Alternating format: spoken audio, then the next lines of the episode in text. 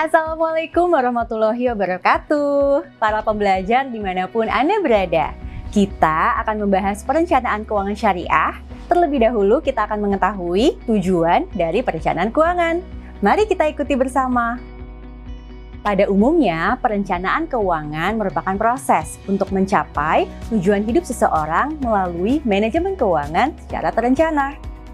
Dalam konteks syariah, perencanaan keuangan adalah suatu proses perancangan kehidupan yang lebih baik dengan melakukan perencanaan, pemilihan pengelolaan keuangan, kekayaan, non-keuangan serta rohani untuk jangka pendek, menengah, dan panjang baik di dunia dan di akhirat. Dalam perencanaan keuangan syariah terdapat tujuh komponen dasar, yaitu income, atau penghasilan, cleansing of wealth atau penyucian harta, spending atau pengeluaran, investments atau investasi, longevity atau kehidupan yang panjang, management of asset and liabilities atau pengelolaan utang dan kewajiban, dan assurance alias kepastian dan jaminan. Komponen dasar perencanaan keuangan syariah dijelaskan sebagai berikut. Pertama, income atau penghasilan. Income atau penghasilan merupakan langkah awal tanggung jawab seorang manusia dalam memenuhi kewajiban untuk menafkahi kehidupan sendiri maupun keluarganya. Dengan kata lain, manusia harus berusaha untuk dapat memenuhi kebutuhan hidup sendiri dan sekaligus dapat dianjurkan untuk membantu meringankan beban orang lain. Kedua, cleansing of wealth atau penyucian harta merupakan kesadaran kedua yang perlu kita bangun dan menjadi penyeimbang dari kesadaran akan pentingnya mencari penghasilan. Penyucian harta dalam bentuk zakat, infak, sodakoh, dan wakaf tanpa kesadaran spiritual akan dimaknai sebagai pengurangan atas harta yang sudah kita peroleh. Padahal tidak demikian, melainkan Allah akan melimpahkan ketenangan jiwa dan karunia yang lebih besar lagi dengan penyucian harta tersebut. Ketiga, spending atau pengeluaran merupakan kemampuan menabung tidak hanya ditentukan dari besarnya penghasilan, tetapi juga ditentukan seberapa pandai sebuah keluarga mengelola pengeluaran. Ketidakmampuan untuk menyisikan sebagian dari penghasilan sebagai tabungan lebih banyak terjadi karena tidak bisa membedakan antara kebutuhan dan keinginan. Tidak sedikit seseorang yang tergoda untuk memenuhi keinginan di atas kebutuhan. Keinginan tersebut umumnya berkaitan untuk mengejar kemudahan, kenikmatan, kemewahan, gengsi, atau hal lainnya yang berkaitan dengan lifestyle atau gaya hidup yang sebenarnya belum sesuai dengan tingkat kemampuan penghasilannya saat ini. Di lain pihak, masih banyak kebutuhan masa depan yang harus dipersiapkan. Sehingga harusnya dari seluruh penghasilan yang diterima, keluarga seseorang tersebut harus selalu berusaha menyisihkan sebagian dari penghasilan untuk ditabung dan diinvestasikan. Keempat, investments atau investasi. Ketika memperoleh penghasilan, seseorang akan dihadapkan pada pilihan untuk menghabiskan seluruh penghasilannya bagi kebutuhan saat ini atau menyisihkan sebagian bagi kebutuhan masa depan yang dianggap lebih penting. Sadaran akan adanya kebutuhan masa depan dengan tingkat prioritas yang tinggi harusnya menjadi motivasi kenapa kita perlu melakukan investasi. Betul nggak? Bahkan secara umum Islam telah menjelaskan terkait anjuran berinvestasi, yaitu di Quran Surah Yusuf ayat 47, yang artinya, hendaklah kalian bercocok tanam selama tujuh tahun secara berkelanjutan. Maka apa yang kalian panen tetap pada tangkainya kecuali sedikit untuk kalian makan. Maknanya adalah ada tiga tahapan investasi yang harus kita siapkan, yaitu growth, protection, dan distribution. Selain Quran Surat Yusuf ayat 47, ada Quran Surat An-Nisa ayat 9 yang mengingatkan agar seorang muslim tidak meninggalkan generasi setelahnya dalam keadaan lemah. Lemah yang dimaksud dalam hal ini adalah lemah secara ekonomi alias miskin karena kemiskinan atau fakir akan berdampak pada kekafiran. Investasi sebetulnya merupakan upaya untuk mempersiapkan generasi yang kuat antara lain kuat secara ekonomi ataupun finansial. Kelima, longevity. Setiap orang memiliki batas dalam kemampuan bekerja dan menghasilkan uang. Pada suatu titik, pastilah akan ada periode di mana seseorang sudah tidak bisa lagi bekerja secara produktif. Itu sebabnya pada saat masa pensiun bukan berarti seseorang akan terlepas dan terbebas dari segala kebutuhan hidup. Oleh karena itu, selama seseorang masih produktif dan memiliki kemampuan, ia perlu untuk merencanakan dan mempersiapkan untuk dapat tetap hidup secara finansial dan mandiri selama masa pensiun. Keenam, management of debt and liabilities. Gini, Berutang terkadang menjadi sesuatu yang memang tidak bisa dihindari. Sebagai contoh, pembelian rumah, kendaraan, atau kebutuhan untuk tambahan modal terkadang memang memerlukan bantuan dari fasilitas utang yang berasal dari institusi bank atau sumber lainnya. Utang bukanlah sesuatu yang buruk, namun pemanfaatan fasilitas utang perlu memperhatikan faktor hukum syariah supaya kita bisa menghindari transaksi utang yang mengandung unsur riba dan harus disesuaikan dengan kemampuan tingkat penghasilan saat ini. Pada umumnya, jumlah cicilan pembayaran utang bulanan yang ideal tidak melebihi 30% dari tingkat penghasilan setiap bulan. Untuk itu, berutang hanya diperlukan untuk memenuhi kebutuhan dasar yang bersifat produktif, bukan untuk memenuhi keinginan. Ketujuh, assurance. Kesadaran akan datangnya kematian akan membuat seseorang mempersiapkan bekal finansial untuk keluarga yang ditinggalkan.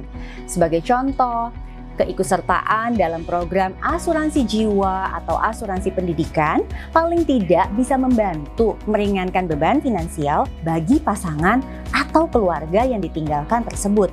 Namun demikian, tetap ya, jangan lupa untuk memilih asuransi yang sesuai dengan prinsip-prinsip syariah. Nah, sekarang kita berbicara mengenai profil resiko.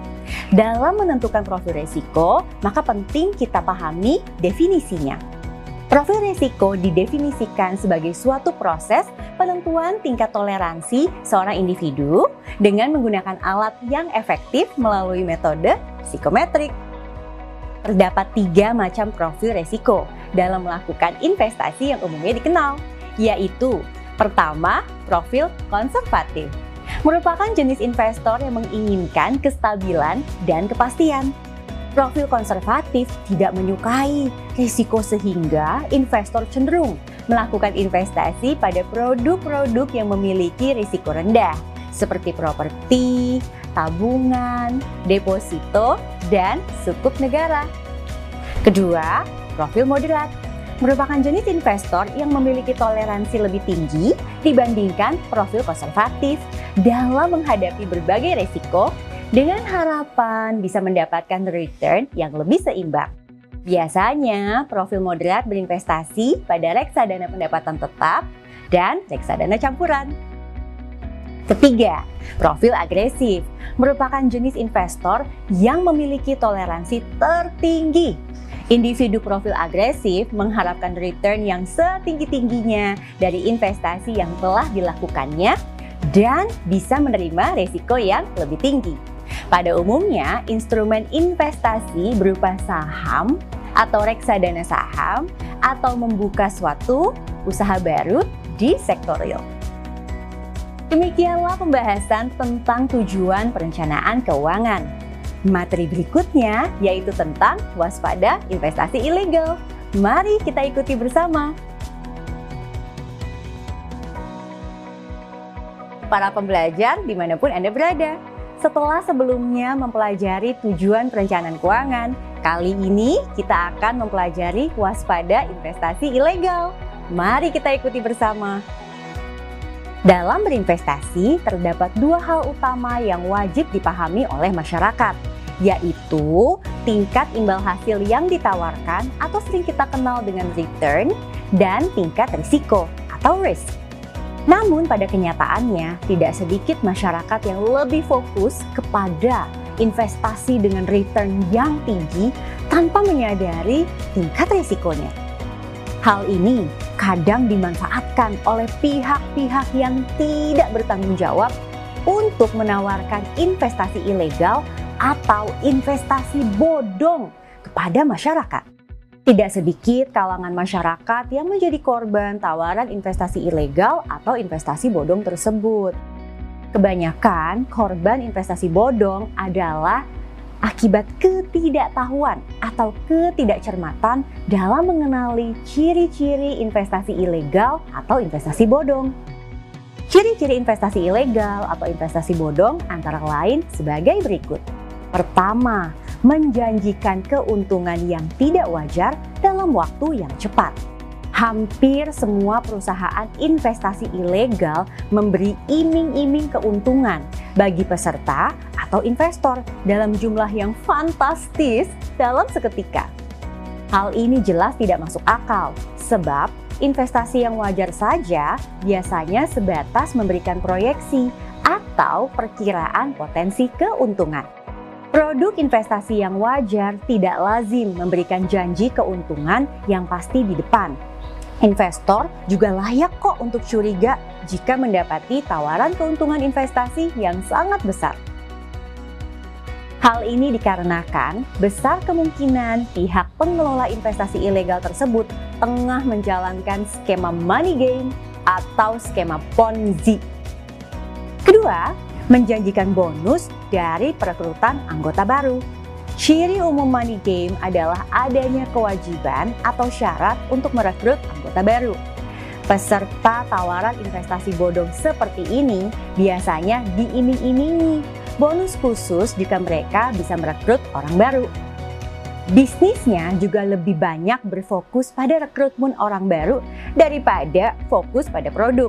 Sekalipun ada barang atau produk yang dijadikan objek jual dan beli, biasanya kualitasnya pun tidak sebanding dengan harga yang harus ditebus oleh peserta.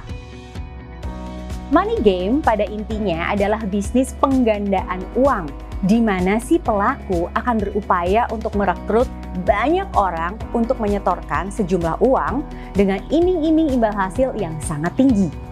Sedangkan skema Ponzi juga banyak diterapkan dalam tawaran investasi ilegal. Ciri utamanya antara lain, produk investasi tidak memiliki underlying aset atau aset dasar yang jelas, menjanjikan keuntungan yang besar di luar kewajaran, dan pemilik produk biasanya mendorong peserta untuk terus menambah investasi dengan berbagai iming-iming keuntungan. Keberlangsungan sistem investasi ilegal skema Ponzi biasanya akan ditentukan oleh hasil dari perekrutan orang yang baru. Bila tidak ada orang baru yang masuk dan menyetorkan dana, anggota lama juga biasanya tidak bisa mendapatkan keuntungan. Ketiga, memanfaatkan tokoh masyarakat untuk menarik minat masyarakat untuk berinvestasi. Cara lain nih yang biasa dipakai oleh para pelaku penipuan berkedok investasi adalah menggandeng orang-orang terkenal untuk melegitimasi tawaran mereka. Orang terkenal bisa dari kalangan pemuka agama, pejabat, atau bahkan kadang-kadang dari kalangan financial planner. Orang-orang terkenal tersebut bisa jadi disalahgunakan namanya tanpa sepengetahuan mereka atau memang mereka diperdaya agar ikut terlibat dalam penipuan berkedok investasi yang dimaksud. Dengan kehadiran tokoh-tokoh tersebut, kan seolah-olah tawaran investasi itu otomatis menjadi kredibel dan terpercaya kan? Oleh karena itu, masyarakat perlu waspada terhadap tawaran investasi yang tidak jelas meskipun mereka membawa nama-nama orang yang terkenal. Keempat, legalitas yang tidak jelas. Cara paling mudah mendeteksi apakah sebuah tawaran investasi itu legal atau ilegal adalah kelengkapan perizinan dari otoritas terkait.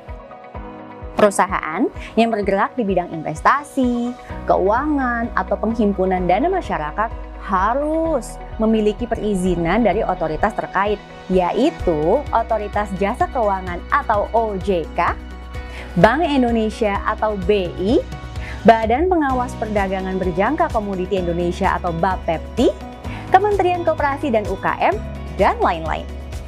Perusahaan yang memiliki izin sebagai perseroan terbatas atau PT saja tidaklah cukup untuk menjadi perusahaan yang menawarkan produk investasi kepada masyarakat.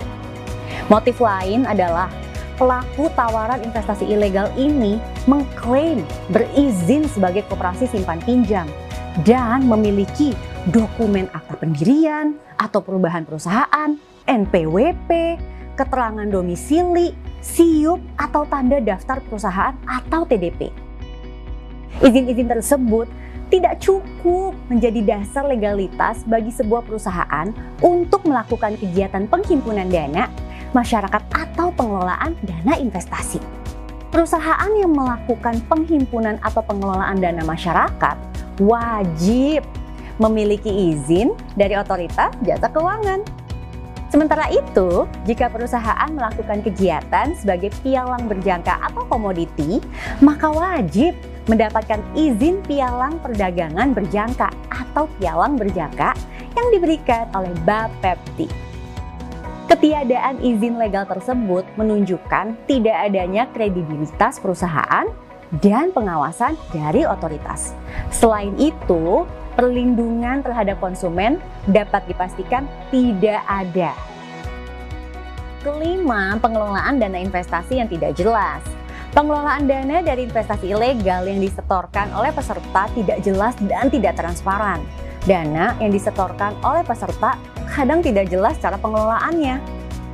Dana masyarakat yang berhasil dihimpun digunakan untuk kepentingan dan keuntungan pribadi, Perusahaan yang melakukan pengelolaan investasi legal akan melakukan transparansi keuangan. Caranya melalui penyampaian laporan keuangan secara rutin ke otoritas terkait dan masyarakat. Berikut ini adalah ringkasan skema investasi ilegal.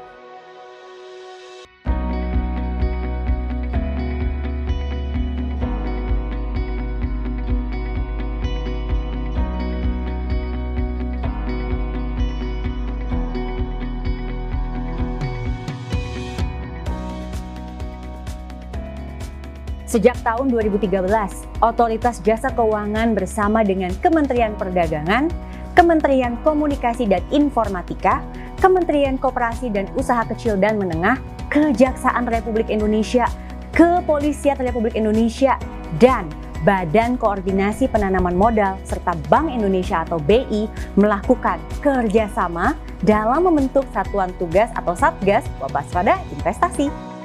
Pembentukan Satgas ini bertujuan untuk mencegah dan menangani maraknya tawaran dan praktek investasi ilegal. Oleh karena itu, kita semua perlu bekerja sama untuk menghapus praktek investasi ilegal ini. Jika menemukan tawaran investasi yang mencurigakan, masyarakat boleh dan dapat mengkonsultasikan atau melaporkan kepada layanan konsumen OJK 157 WA 081 157 157 157, email konsumen at ojk.go.id atau waspada investasi at ojk.go.id. Demikianlah pembahasan tentang waspada investasi ilegal. Perdalam terus ya pengetahuan kita bersama-sama tentang pasar modal syariah. Terima kasih, selamat belajar, dan Wassalamualaikum warahmatullahi wabarakatuh.